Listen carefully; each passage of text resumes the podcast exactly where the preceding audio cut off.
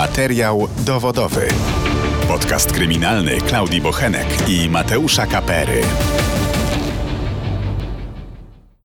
Dzień dobry. Przed mikrofonem Mateusz Kapera. i Klaudia Bochenek. To jest drugi odcinek podcastu kryminalnego Radia Z, materiał dowodowy. Przypomnę tylko, że cały czas dostępny jest pierwszy odcinek podcastu, w którym opowiedzieliśmy o jednej z najbardziej tajemniczych historii polskiej kryminalistyki. Mowa tu o zamordowaniu i oskurowaniu krakowskiej studentki Katarzyny Zowady. Reportażu o tej sprawie, jak i całego odcinka podcastu możecie odsłuchać na playerradio.z.pl, na kanale YouTube'owym Radia Z czy w aplikacjach Spotify i Apple Podcast.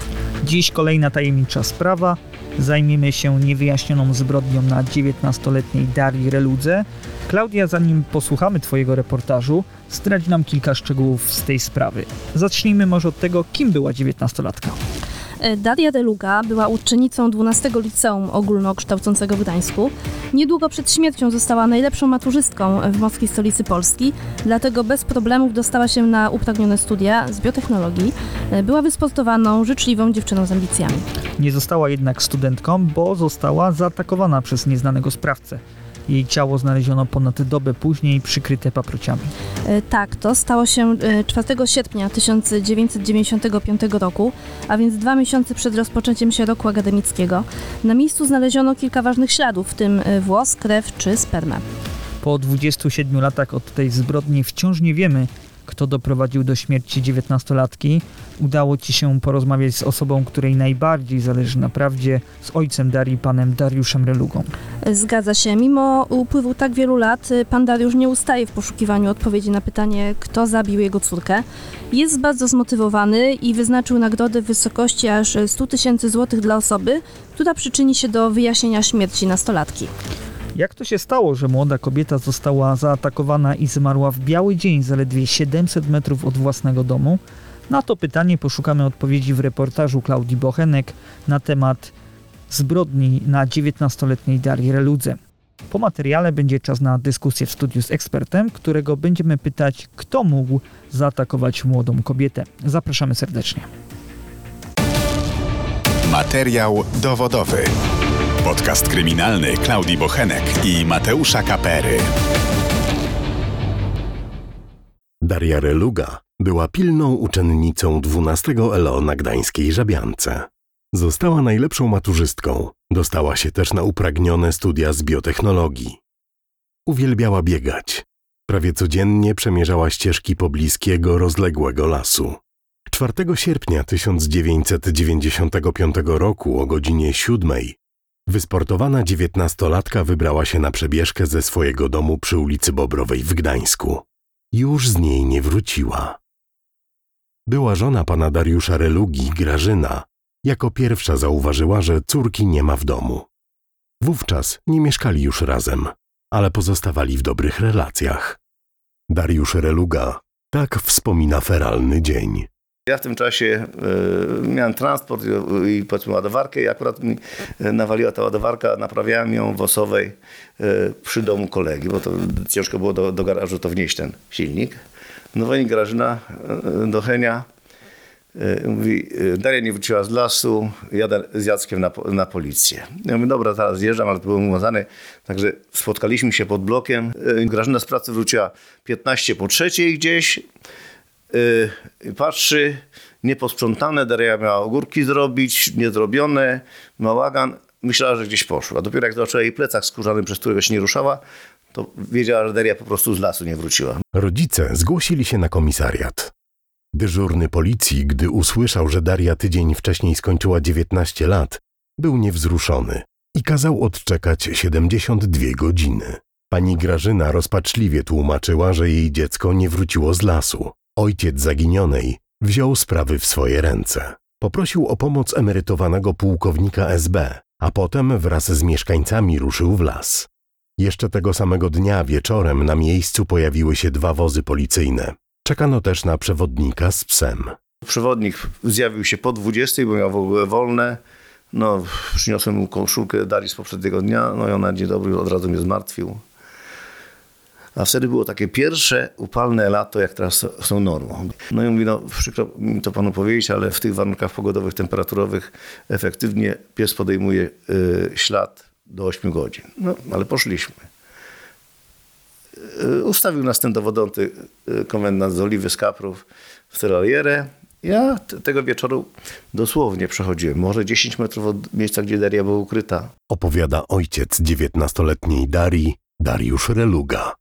W międzyczasie wieczorem doszło do scysji pomiędzy Dariuszem Relugą a obecnymi na miejscu policjantami. Jeden z funkcjonariuszy zwrócił uwagę, że na drugi dzień trzeba obstawić mecz. Ojciec dziewiętnastolatki spytał, czy rozgrywka jest ważniejsza. Policjant odparł, jak dla kogo. Dariusz Reluga wściekł się i doskoczył do, jak się okazało, zastępcy komendanta. Następnego dnia, już przed piątą nad ranem, poszedł w las i nie czekał na pojawienie się policji. Dzwoniłem znajomy, że razem, rano, żeby przed piątą pójść szukać Darii. I tak poszliśmy tam szukać Darii. Prawda? Ja tam się odłączyłem, chodziłem po lesie, tam krzyczałem Daria, Daria. Tego wylądowałem e, na skraju lasu w Sopocie, tak z kraju lasu wracałem. No i przy, tej, przy tym wejściu do lasu, gdzie Daria biegała, wstało parę osób tam i się dowiedziałem od nich, że Darię znaleziono. Dopiero w sierpniu 2020 roku okazało się, że ciało Darii tak naprawdę znalazł leśniczy Baranowski, a nie policjanci, jak można było przeczytać w mediach. Zwłoki były przykryte paprociami. Gdy wygrzebano rośliny, wyłoniła się ręka. Dziewiętnastolatkę znaleziono po 30 godzinach od jej wyjścia z domu, czyli o 11 5 sierpnia 1995 roku. Dariusz Reluga uważa, że ten, kto ukrył Darię, doskonale wiedział, żeby zrobić to w miejscu, gdzie nie zachodzą nawet grzybiarze. Przy ciele nastolatki, które mogło zostać przeciągnięte, znaleziono chusteczkę, włos, wisiorek, ślady spermy, a także nóż wbity w drzewo. Potem okaże się, że Daria przed śmiercią zaciekle się broniła. Na ręce miała ślady zębów, ale jej ciało nie było pełne obrażeń. Została zgwałcona i jak wspomina jej ojciec, przyczyną śmierci było serduszko. Bezpośrednią przyczyną śmierci Darii było serduszko. Dariusz Reluga ma teorię, kto mógł zrobić krzywdę jego córce. Moja teoria jest tego typu, że zabił niewątpliwie młody chłopak, z tym, że po pierwsze, Daria nie miała zginąć, o czym świadczy to, jakie miała obrażenia, że praktycznie brak obrażeń. Obrażenia miała na ręce, którą się broniła, że miała tą, y, ślady od zębów i tak dalej, ale sama poza gwałtem nie była, że tak powiem, sponiewierana. Co jest nietypowe dla gwałciciela. Ojciec Darii skarżył się na działania policji oraz techników, którzy zbierali ślady z miejsca zbrodni. Zauważył między innymi, że z należycie zabezpieczonego noża można było jeszcze ściągnąć odciski palców. Nóż policjanci papraki tak nieumiejętny wyjęto, że odcisków palców nie można było już. Nożem były ścinane paprocie. Daria uwielbiała paprocie. Sprawca znał upodobania Darii. Położył jako zadośćuczynienie to, co się stało, bo nie planował. Miała dostać nauczkę. Położył paprocie jako, jako zadośćuczynienie, a nożem ścinał te paprocie. Tak mówię, papraki wyjmowali, że śladów nie było. Włos nie Darii. Y, Kościański 10 miesięcy y, trzymał w szufladzie, nie w lodówce. Jak dał profesorowi Pawłowskiemu, najlepszemu specjaliście DNA, no mówię, panowie, wyrzućcie do śmieci. Do niczego to się nie nadaje. Więc uważam dzisiaj, że to było też świadome działanie przetrzymania tego dowodu, bo i sperma, i krew, z chusteczki i z innych śladów na, na ubraniu są tożsame tej samej osoby. A włos mógł być DNA innej osoby. Mógł. Denerwuje się Dariusz Reluga. Profesor Bronisław Młodziejowski, specjalista z zakresu biologii kryminalistycznej z Polskiego Towarzystwa Kryminalistycznego, tłumaczy. Po uprawomocnieniu się wyroku dowody rzeczowe są zdeponowane w specjalnie przygotowanych magazynach. One ym, nie mają dostępu światła słonecznego, które oddziałuje destrukcyjnie na materiały biologiczne. Nie można ich zapakować szczelnie w folię, szkło i tak dalej, ponieważ namnażają się bakterie, które niszczą y, cechy y, głowe i także indywidualne y, poszczególnych materiałów. No i musi być cyrkulacja powietrza. Realizuje się w ten sposób te dowody biologiczne, bo takie nazywamy, One są w, taki szary, najniższej jakości papier, to, żeby, zapewnić wymianę powietrza. Te dowody yy, są zdeponowane w zależności od zdarzenia. Czas deponowania wynosi 25-30 lat.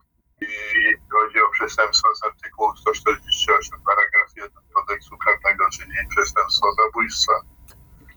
I trzeba także pamiętać, że w myśl naszego kodeksu y, po upływie 35 lat od popełnienia y, zbrodni zabójstwa, jeśli nie jest to ludobójstwo, to zbrodnia ta ulega przedawnieniu. Profesor Młodziejowski odnosi się także do wyników DNA, które można uzyskać z włosa. Y, Włos, podobnie jak y, paznokcie, y, są wytworami ludzkiego organizmu. Proszę sobie wyobrazić, że najlepsze, najszybsze i najpewniejsze wyniki badań DNA uzyskujemy z paznokci. Pobiera się z zwłok nieznanych czy z fragmentów paznokcie i one dają najlepsze rezultaty. A przecież jest to tkanka martwa i można powiedzieć nieużyteczna, tylko rosnący paznokieć odcinamy, a resztę wyrzucamy. A tam materiał biologiczny jest bardzo dobry. Miał też zastrzeżenia co do pracy policji oraz prokuratury. Jego zdaniem to było niby śledztwo. Bez żadnej organizacji, bez żadnej wizji, złapanki, na czuja. Według niego winnych od razu trzeba było szukać wśród osób, które znała. Sam podrzucał śledczym wskazówki i nazwiska. Badaniom DNA poddano później byłego chłopaka Darii oraz jej przyjaciela. Po dwunastu latach przebadano też innego licealistę. Nie połączono ich ze zbrodnią. Pojawiały się też relacje świadków, którzy w wakacje 1995 roku widzieli podejrzanego mężczyznę kręcącego się w okolicach Trójmiejskiego Parku Krajobrazowego. Napastował jedną z kobiet, a niedługo później napadł drugą, którą zaczął dusić. Był młody, średniego wzrostu. Kobieta uszła z życiem tylko dlatego, że w środku nocy rzuciła się pod nadjeżdżający pojazd. Dariusz Reluga zauważa kolejne rażące postępowanie śledczych. Dopiero przypadkiem dowiedział się, że akta dotyczące sprawy zaginęły. Ostatni wpis do repertorium pochodził z 8 lutego 2000 roku, a od maja 2007 roku zaczęto odtwarzać dokumenty, a za zaginione akta nikt miał nie ponieść odpowiedzialności. Pod koniec marca pojechałem y, do nich, no i Andrzej Wierzbiński mówi, panie Darku, akta zaginęły. Ja mówię, panie Andrzeju, coś co pan pierdoli, jak to w prokuraturze akta zaginęły? No panie Darku, chcieliśmy akta, no i tam zaczęli kręcić, a później powiedzieli, że akta zaginęły. 4 września 9, y, 2007 dostaję cały opis do tego i tak ble, ble, ble, dosłownie, że ostatni wpis do reparatory, żadnych więcej czynności, no nie stwierdzono, co się stało. Prokurator Grażyna Wawryniuk, rzecznik prasowy prokuratury okręgowej w Gdańsku, zapytana o zaginione akta, odpowiada. E, Postępowanie w tym zakresie było prowadzone, zostało zakończone decyzją o umorzeniu, bowiem nie ustalono, e, co się stało z tymi aktami, jak również osób ewentualnie, które mogły tutaj być winne zaginięcia akt. Od lipca 2021 roku śledztwo prowadzi bydgoska prokuratura. Dariuszowi Reludze w ujawnieniu prawdy pomaga również przyjaciel Stanisław. Panowie doszli do wniosku, że już od 9 sierpnia 1995 roku, czyli po pięciu dniach od zaginięcia Darii, sprawa jest zamiatana pod dywan. Chodzi o sytuację dotyczącą jednego ze świadków. Wówczas przesłuchano kierowcę autobusu linii 169, pana Andrzeja. Jak wspomina pan Dariusz, mężczyzna zeznał, że 4 sierpnia o 8 rano do pojazdu przy przystanku Renuszewo wsiadło dwóch mężczyzn w wieku 40-47 lat. Jednak sporządzone portrety pamięciowe przedstawiają o wiele młodsze osoby.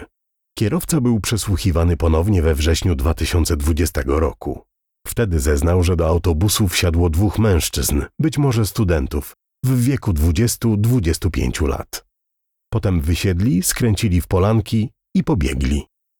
Wówczas, w 1995 roku, policja miała zawieźć pana Andrzeja do szpitala na Zaspie, gdzie rozpoznał jedną z osób. Tego zapisu nie było we wcześniejszych aktach. Mężczyzna, którego rozpoznał kierowca, miał krzyczeć: Ja jej nic nie zrobiłem.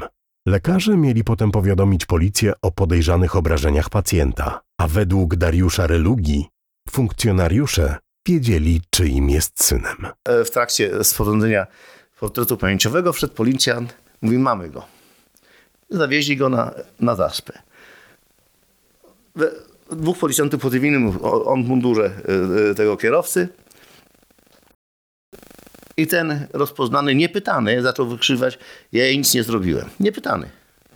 Parował lekarz, wyprosił policjantów po cywilnemu i pana Andrzeja. Jak do szpitala trafi ktoś z podejrzanymi obrażeniami, to szpital ma obowiązek powiadomić policję. Więc szpital zadzwonił, nie policjanci byli tacy aparaty. Szpital zadzwonił, podał imię, nazwisko, że się zjawił z podejrzanymi obrażeniami. Oni już dostaje ten telefon, wiedzieli, wiedzieli czy- czyim jest synem. Już wiedzieli, czyim jest synem. I od tego 9 sierpnia 95 sprawa jest zwijana. Opowiada ojciec 19-letniej Darii, Dariusz Reluga. Po pogrzebie Darii mieszkańcy chcieli zawiesić pamiątkowy krzyż w miejscu zbrodni. Ojciec nie znał wtedy dokładnej lokalizacji. Gdy poprosił policję, odmówiono mu podania dokładnych wskazówek, ponieważ założono monitoring. Po ponad roku okazało się, że kamer w ogóle nie było. Kilka tygodni po śmierci córki, wraz z jedną z sąsiadek, znalazł miejsce, gdzie zmarło jego dziecko. Kobieta chodziła na spacery z psem i zaprowadziła ojca w miejsce, gdzie niedawno płonęło poszycie. Dziewiętnastolatka kilka dni przed śmiercią zgłaszała strażakom, że w lesie wybuchł ogień i pokazywała im dokładną lokalizację. Patrzę na tę spaliniznę, no wszystko tak na świeżo, czarne. Obracam się, a na drzewie wisi krzyż z tabliczką, że 4 sierpnia zginęła tu Daria Relugo śmiercią męczeńską. Śmiercią męczeńską. To mnie zabolało, więc pojechałem od razu do Sopot i też Jarkowi Kwaśniewskiemu mówi, taka i taka e, sprawa, że mieliście monitoring i nic nie wiedzieliście, a tam krzyż wisi z tabliczką, ta tabliczka musi zniknąć, macie dwa dni, prawda? Po dwóch dniach, czy wszystko zrobili? Tak, wszystko zrobili. Pojechałem, ale tabliczki nie zdjęli. Ale myślałem, że zbadali ją. Się okazało, no prawda. Piekli się ojciec zmarłej Darii. Dariusz Reluga zabrał tabliczkę do domu. W 1999 roku przekazał ją policjantowi. Ten dowód również miał zaginąć. Funkcjonariusz w końcu oddał ją w 2010 roku i wtedy ją zbadano. W maju ubiegłego roku odezwał się pewien mężczyzna, który twierdził, że zawiesił tabliczkę. Dariusz Reluga chciał, aby sprawdzono informatora i jego synów. Według jego relacji nie zrobiono tego. Miał też zastrzeżenia co do procedury zwrotu ubrań córki przez policję. Po jakimś czasie chciał mi der, e, ubrania Darii oddać. Niezgodnie z procedurami. To, to było ubranie zamordowanej osoby, powinno być w magazynie dowodów rzeczowych. Ja mówię, panie Jarku, ja tego nie chcę. No, akt wpisał, że mi oddał. Dzisiaj wiem, że nie powinien w ogóle próbować mi oddać. Więc to była następna próba, żeby zawinąć coś, prawda? Bo na tym ubraniu mogłoby się po jakimś czasie jeszcze coś znaleźć, prawda? Dziś po niepokojącej tabliczce nie ma śladu. Na drzewie wisi skromny krzyż. W okresie letnim pod drzewem rośnie trawa. Zadbano o to, aby paliły się znicze. Z czasem dodano inną, małą, skromną tabliczkę z napisem Daria Reluga urodziła się 28 lipca 1976. Opuściła wbrew swojej woli rodziców i rodzeństwo przyrodnie. 4 sierpnia 1995. Prokurator Agnieszka Adamska-Okońska, rzecznik prasowy prokuratury okręgowej w Bydgoszczy, tłumaczy. Ona była umorzona przez prokuraturę okręgową e, w Gdańsku i po jej prawomocnym umorzeniu ona y, została objęta zainteresowaniem tak zwanego archiwum X. Prokurator Adamska-Okońska dodaje. No, wykonywane są czynności, więc y, sprawdzane i weryfikowane są y, informacje, które napływają tutaj do organów y, ścigania zarówno od różnych osób, jak i z urzędu pani prokurator i funkcjonariusze policji wykonują pewne czynności. Są to zarówno y, y, czynności analityczne, bo cały czas y, w oparciu o te nowe informacje analizowany jest już posiadany materiał dowodowy. Przesłuchiwani są również świadkowie celem ustalenia zakresu ich wiedzy i jakby wagi tych informacji dla ewentualnego podjęcia tego postępowania. Y, Wiem również, że zasięgane były też y, opinie y, z zakresu DNA Na miejscu zbrodni Znaleziono też rzecz przypominającą bransoletkę lub wisiorek. W aktach wpisano, że to własność Darii, jednak rodzice zaprzeczyli, jakoby córka nosiła biżuterię i to właśnie taką. Dariusz Reluga po pewnym czasie wpadł na kolejny trop.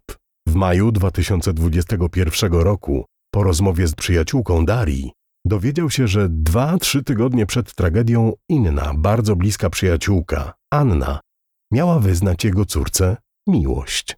Daria miała ją odtrącić i zerwać kontakty.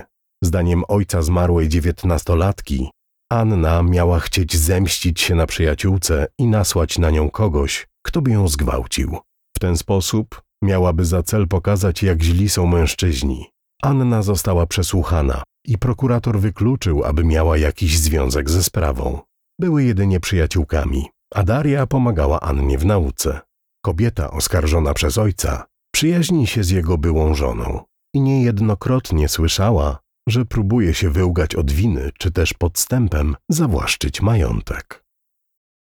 Anna Strzałkowska dementuje plotki, które Dariusz Reluga rozpowszechnia w mediach na jej temat. Owszem, również chce, aby prawda na temat śmierci Darii wyszła na jaw. Jednak przez śledztwo ojca zmarłej dziewiętnastolatki i jego przyjaciela Stanisława, samozwańczego detektywa, nie prowadzi dziś zwykłego, spokojnego życia. Co po nią e, łączyło z Darią? E, chciałabym sprostować te doniesienia e, medialne i hipotezy pana Dariusza.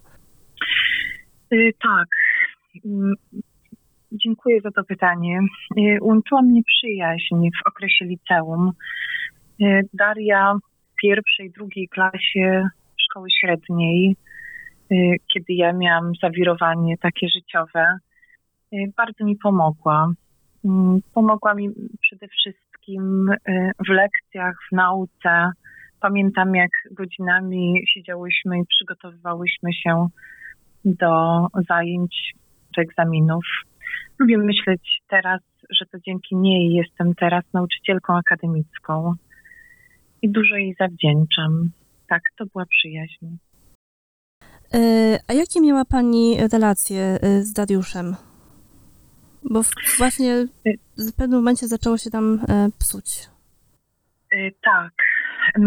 Ja bym powiedziała tak, że do maja zeszłego roku były one poprawne.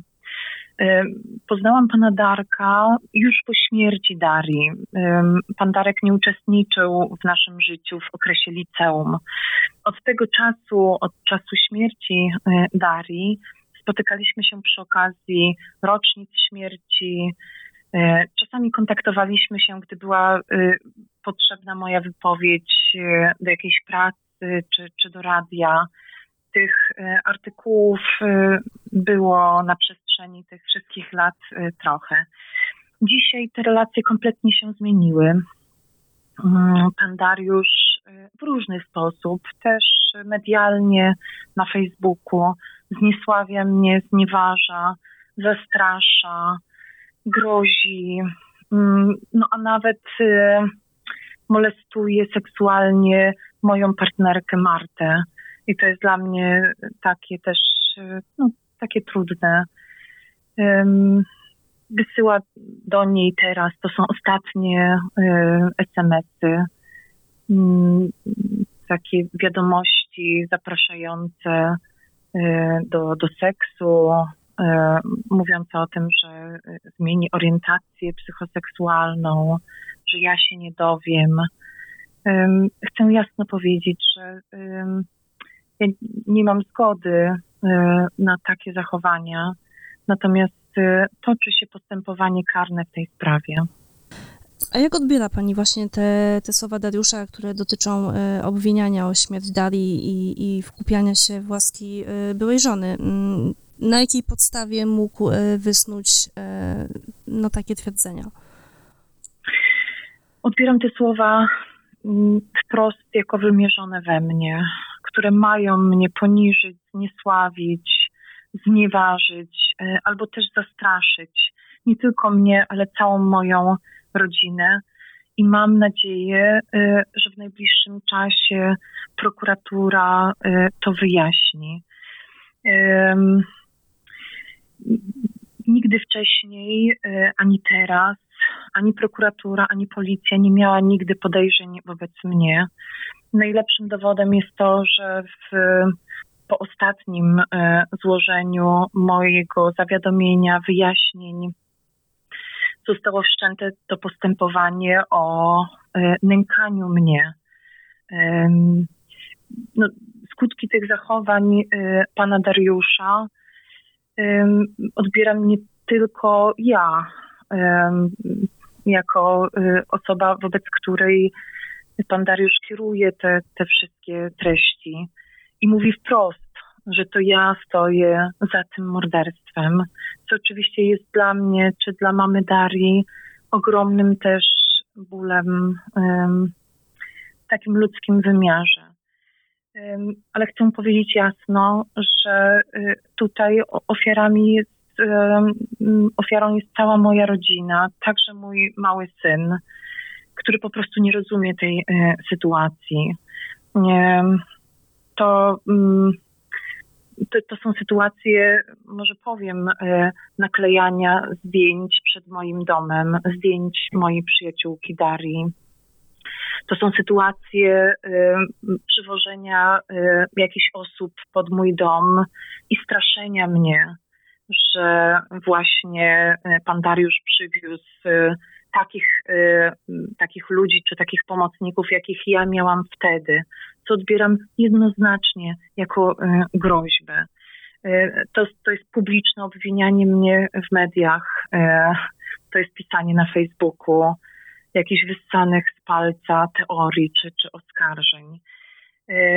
No, to muszę to przyznać, że to wywróciło nasz dom, nasze życie rodzinne do góry nogami. Ja dzisiaj rzeczywiście po tym wszystkim, czego doświadczam od maja zeszłego roku mm, zaczęło się programem e, Alarm w telewizji polskiej. Y, doświadczam takiego zmasowanego nękania i, szkoda, że to trwa tak długo, ale chcę powiedzieć jasno, że ja sama boję się raz o swoje życie, ale też o życie Marty czy, czy mojego syna Mateusza. E, dlaczego? No dlatego, że jeśli e, jest tak, że ktoś uwierzył, że to ja stoję za tym morderstwem, no to można sobie wyobrazić, jaki będzie odwet, tym bardziej, że pan Dariusz w mediach wprost mówi, że nie jest normalnym człowiekiem, że jest osobą agresywną, że czasami nie panuje nad sobą, że zostało mu niewiele czasu i że jest y, kompletnie rozczarowany pracą organów ścigania.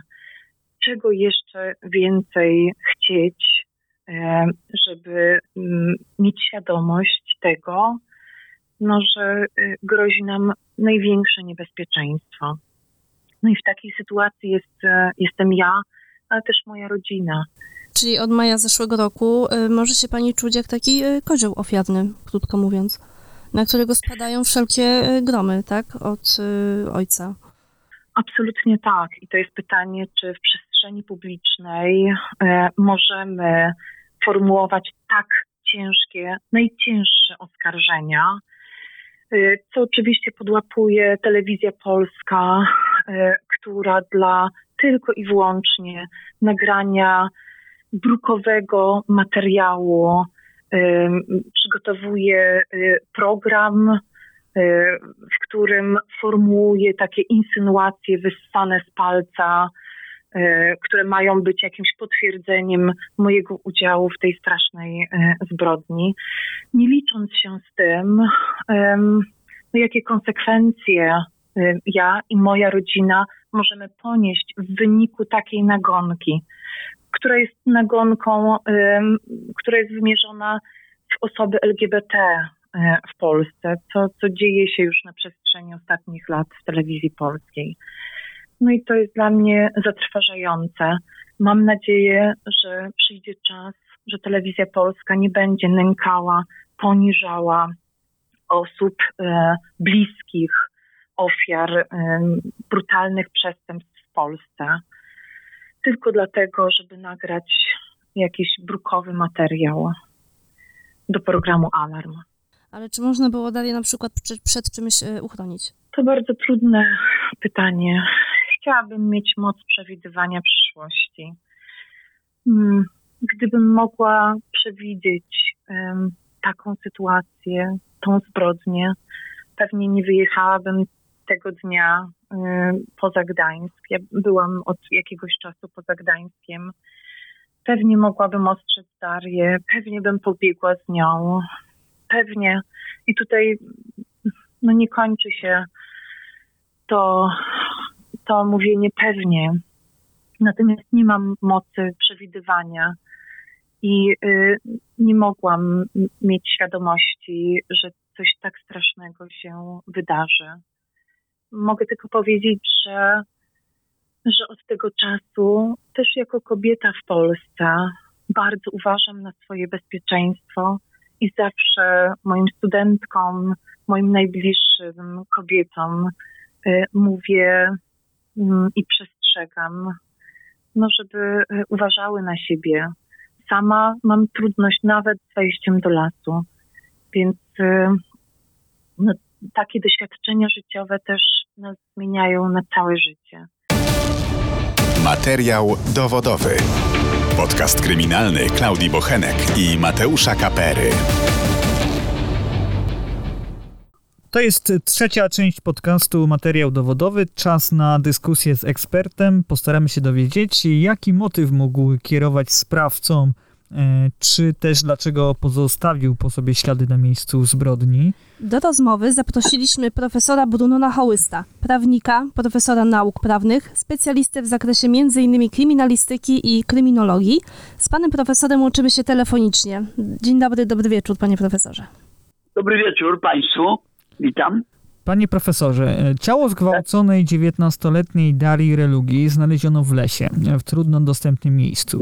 Nie było na nim widocznych obrażeń. Nastolatka, jak wiemy, była silna, wysportowana, e, a same zwłoki przykryto paprociami. Co można powiedzieć o sprawcy na podstawie tego, co, co właśnie wiemy, co, co panu przekazałem? Nawet Po pierwsze nie ulega wątpliwości, że sprawcy dążą do wyboru najbardziej dyskretnego miejsca dokonania zabójstwa. Pomijam oczywiście zabójstwa w stosunkach rodzinnych, ale jeżeli ofiara jest nieznana dla sprawcy, nie jest członkiem rodziny, to zwykle pod osłoną nocy, w ciemności i w miejscu odległym od miejsca zamieszkania często znajdujemy, znajdujemy zwłoki. Oczywiście sam fakt przykrycia miał utrudnić poszukiwanie zwłok, ale to jest, e, nie jest to najlepsza metoda, bo w końcu jeżeli e, poszukuje się zwłok, to z, użyciem psa, z użyciem dużej grupy ludzi, którzy bardzo systematycznie przeczesują daną, daną okolicę. A to, że on ukrył, e, zakrył ciało e, roślinnością, paprociami, czy to oznacza, że on, e, nie wiem, wstydził się tego, co zrobił, bał się tego, co zrobił? Nie, nie, o wstydzie, nie, nie, o wstydzie nie ma mowy. On chciał tylko opóźnić znalezienie zwłok. Chciał po prostu poprzez po- przykrycie paprocią, chciał jakby upodobnić miejsce ukrycia zwłok do miejsca, w którym rośnie, e, rośnie dana, dana roślinność, roślinność w lesie.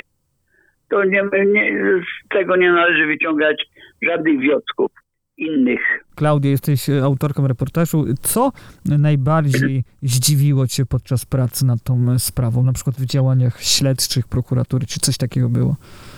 Dziwiło mnie nieco em, przede wszystkim zaginięcie akt, e, przede wszystkim również e, to zachowanie sprawcy, ponieważ e, przy ciele znaleziono nóż, znaleziono chusteczkę ze śladami krwi i spermy i to jest też e, dość ciekawe. I chciałam się zapytać pana profesora, e, co może być powodem tego, że e, sprawca nie uprzątnął tych śladów? No, y, mając, mając właśnie DNA, tak. no to mają go jak na dłoni i dla mnie też to się wydało Oczywiście. dziwne, że, No to jest, że tak, tego nie wziął ze sobą. tego rodzaju, że y, sprawca z natury rzeczy dąży do śladów, ale niestety zdarzają się nawet takie przypadki, że sprawca pozostawia dowód osobisty na miejscu, na przykład włamania. Także y, to, to wynika bądź z pośpiechu, y, bądź y, z niezbyt doska- dobrej, y, dobrych oględzin, które sprawca czyni po dokonaniu, po dokonaniu zbrodni. Czyli krótko mówiąc, w pośpiechu on chce jak najszybciej opuścić miejsce zbrodni, żeby nie był przez nikogo widziany. E, Panie profesorze, e, mimo dostępnego na miejscu e, noża na ciele nas- nastolatki nie było ran e, kłutych. Co powstrzymuje przestępców przed zadaniem tego ciosu ofiarze? Wydaje mi się, że, że to jest pytanie do lekarza medycyny sądowej, ale być może, że on chciał pozostawić fałszywy trop. To znaczy, że ona mogła zostać na przykład uduszona, a zostawił nóż, żeby śledztwo jakby było skoncentrowane, jak my mówimy w kryminalistyce, na modus operandi stellaris, czyli na działaniu sprawcy. Mhm. Czyli to jest y, jakby taki fałszywy trop dotyczący przyczyny zejścia śmiertelnego. A czy widzi pan profesor taką możliwość, że, że on się przestraszył, wycofał się, że on chciał ją No, to, zamordować? tak jest możliwe, że, że, że usłyszał czyjeś kroki, usłyszał głos i na przykład pozostawił te ślady, które były później widoczne przy, przy oględzinach miejsca znalezienia zwłok. E, Z materiału Klaudii e, wiemy też, że e, po 13 godzinach pojawił się przewodnik z psem, który miał e, szukać ciała dziewczyny. Czy to możliwe, że zwierzę nie dało rady podjąć tropu po takim czasie? No więc to wszystko zależy, jaka była pogoda. I to jest 13 godzin, to jest jednak dość długo. Było Przyjmuje wtedy, się było wtedy upalne lato. Bardzo upalne. upalne lato, no właśnie.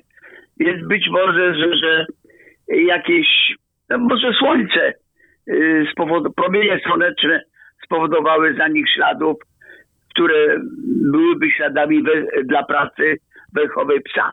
Ewentualnie ktoś przechodził obok, ślady się nałożyły, a nie zauważył zwłok. Czyli mieszanina śladów mogła też zmylić psa tropiącego. A być może jeszcze, że sprawca użył nafty czy benzyny, które naprawdę mogły uniemożliwić pracę wychową psa. Tego nie wiemy.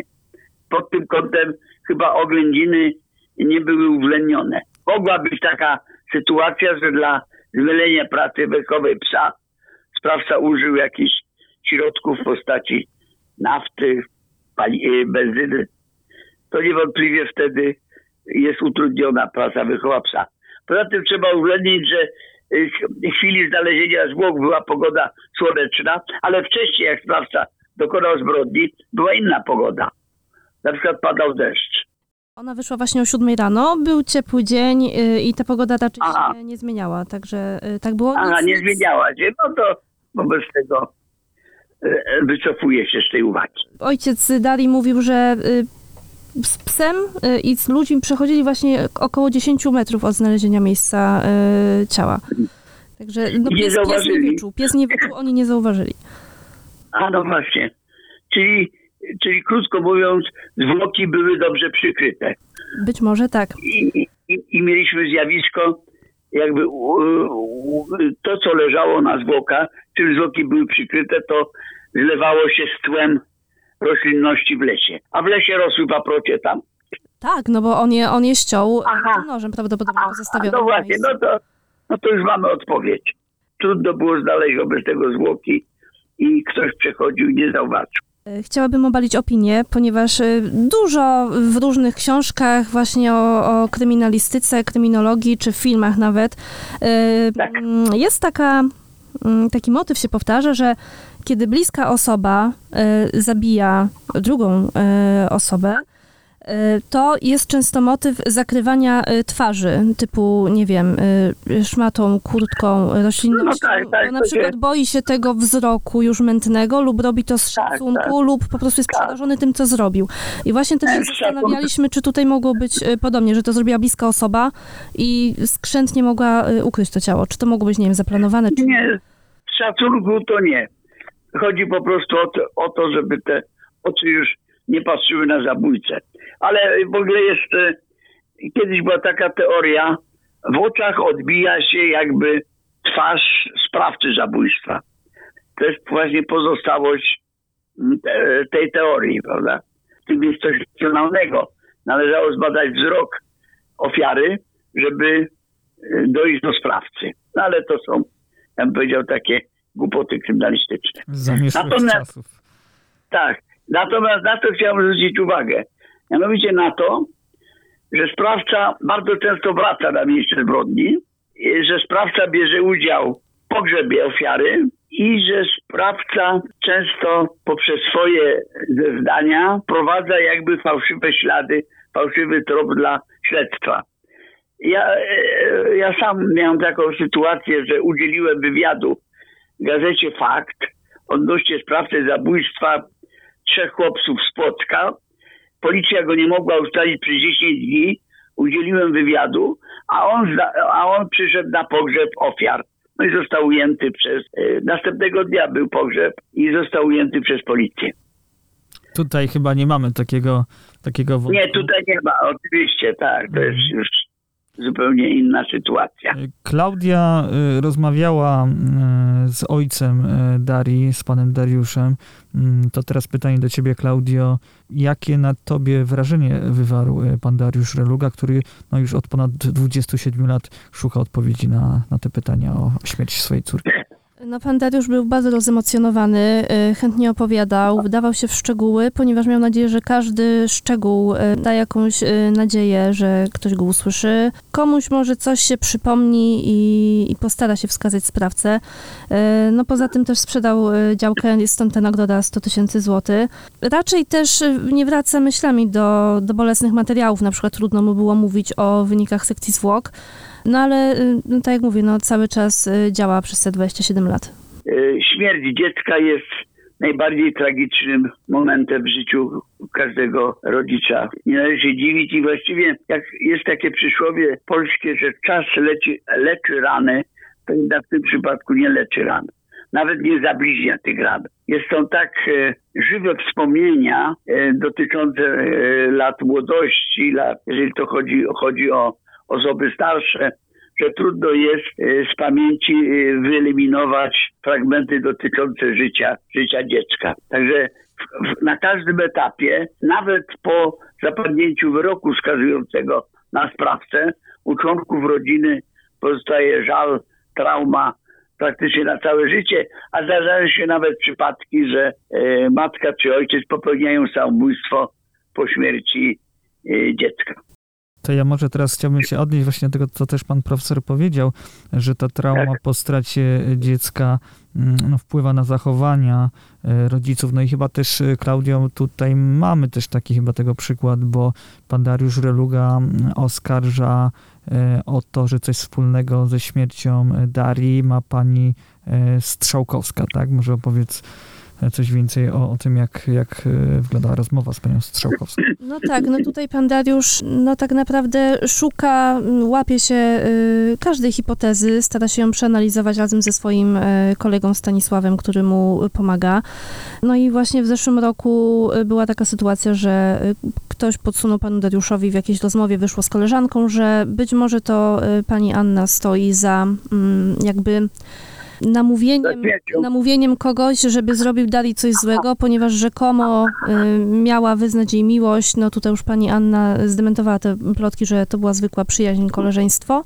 Teraz na panią Annę, że tak powiem, y, padają gromy, y, no i trochę też, trochę też cierpi, no stała się takim kozłem ofiarnym. Wcześniej y, bardzo mocno przesłuchiwano na przykład chłopaka y, Darii, wtedy mm, obecnego i byłego y, uczniów ze szkoły, no także łapano się tak naprawdę y, każdej osoby y, Tak. z, z Ale ja, ja chciałem właśnie zwrócić uwagę, że bardzo często członkowie rodzin, rodziny prowadzą tak zwane prywatne śledztwo.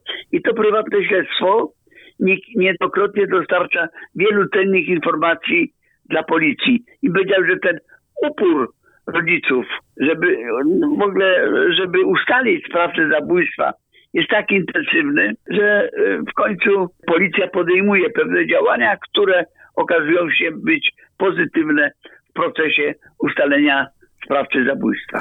Właśnie, e, mówi pan profesor o tym, że, że ro, często rodzina podejmuje skuteczne śledztwa. A czy nie uważa pan profesor, że w tej sprawie, e, kiedy po 27 latach dalej nie wiemy, kto doprowadził do śmierci Darii Relugi, widzi pan jakieś błędy w działaniach śledczych policji, prokuratury? Wie pan, panie, panie redaktorze, no nie znam jak było prowadzone śledztwo, jak przebiegały oględziny, kto był um, przesłuchiwany, bo jest taka teza w kryminalistyce, że zawsze trzeba szukać sprawcę blisko ofiary. Teraz nie wiadomo w jakiej relacji była e, ofiara do domniemanego, domniemanego sprawcy. Tutaj obowiązuje taka rzymska zasada cui bono, czyli kto odniósł korzyść danego przestępstwa. Komu zależało na tym, żeby pozbawić daną osobę życia. Ale wiemy na przykład o takich faktach e, jak ten, że prokuratura, e, jeżeli się mylę, to mnie popraw e, Klaudia, że prokuratura zgubiła akta, one zaginęły, nie ma ich do dzisiaj. Co pan sądzi Nie, no o to, czymś to, no takim? to, to jest, no to to jest skandal, no. Żeby akta zginęły, prawda? To jest. W sprawie porwania olewnika też zginęły akta. To taka znana sprawa z Płocka. Dokładnie. No to to jest w ogóle już karygodne. To już nawet nie ma co na ten temat szerzej mówić. Właśnie być może, że w tych aktach, które zaginęły, były jakieś istotne tak zwane, jak Niemcy mówią, Anhaltspunkte, czyli punkty zaczepienia do e, uzyskania pozytywnego wyniku śledztwa. A myśli pan, e, panie profesorze, że te dzisiejsze możliwości, jakie daje nam e, postęp e, technik badawczych, przybliży na, nas do złapania sprawcy tego Ja morderstwa? tak myślę, że, myślę, że wykrycie sprawcy po tylu latach jest bardzo utrudnione, ale może dzięki przypadkowi zostać ustalone, bo nie wiem, a zachował się materiał DNA, tak? E, Tak, krew na chusteczce i sperma oraz włos, który zdaniem pana Dariusza nie nadaje się w ogóle do analizy. A, no jak się nie nadaje, no to No właśnie, to też po raz kolejny Ciekawe. pokazuje... Chyba, że ktoś, wiecie Państwo, jest jeszcze taka historia, że ktoś może zgłosić się do policji i powiedzieć, że za sprawcę. Bo są też takie przypadki, nawet po 25 latach. Ja znam takie dwa przypadki.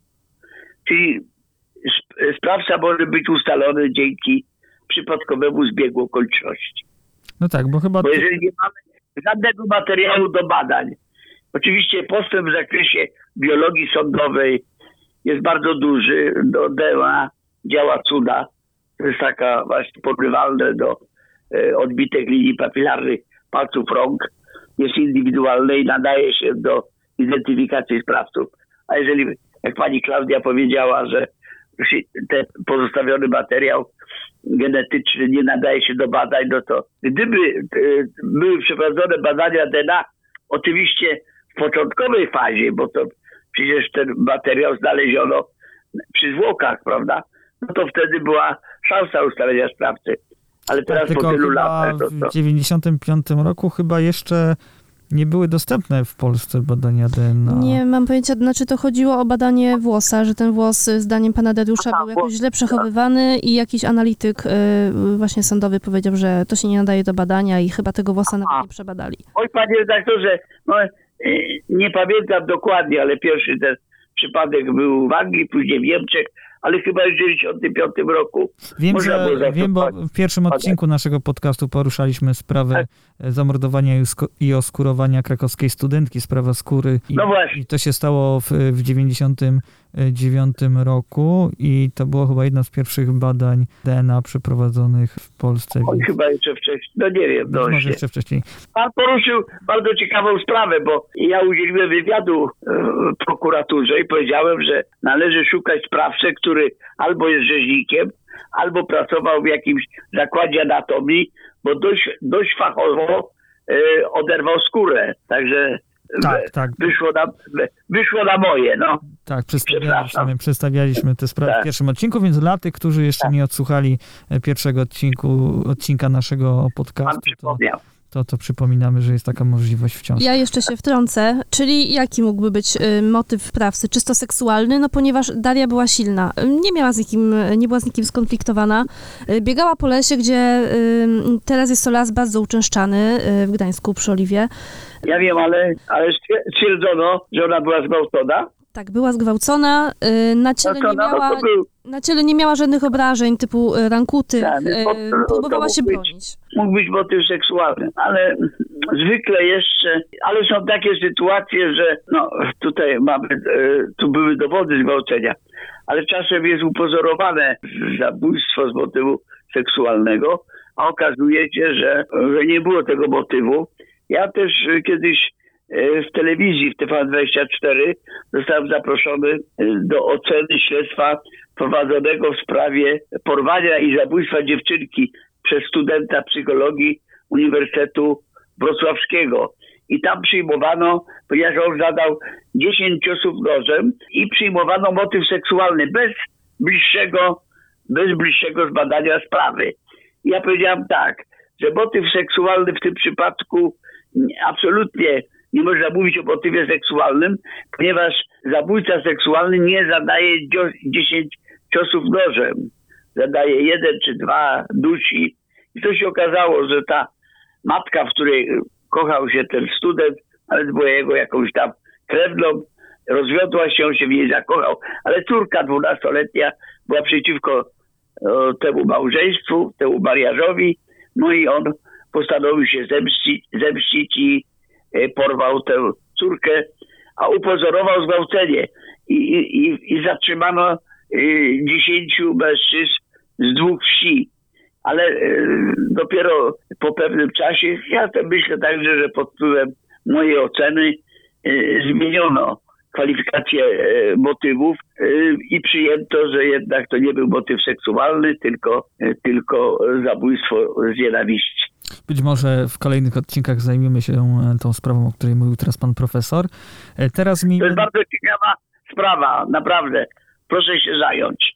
To Dobrze. jest wyjątkowo ciekawa sprawa. Postaramy się tym zająć. zająć. E, Miejmy, mamy też nadzieję, że w końcu sprawa śmierci Darii Relugi znajdzie swój finał na sali e, sądowej, a nie gdzieś zakopana w archiwach e, prokuratury. E, Dziękujemy bardzo za udział w dyskusji panu profesorowi Brunonowi Hołystowi. Dziękuję bardzo również Państwu. A w studiu była ze mną współautorka podcastu i autorka reportażu Klaudia Bochenek. Dziękuję Ci, Klaudy, za udział w dyskusji. Dziękuję również i do usłyszenia. A ja nazywam się Mateusz Kapera. Dziękuję za odsłuchanie tego odcinka i słyszymy się w kolejnych odcinkach podcastu. Materiał dowodowy. Wszystkie odcinki naszego podcastu kryminalnego znajdziesz na player radioz.pl i na najważniejszych platformach streamingowych.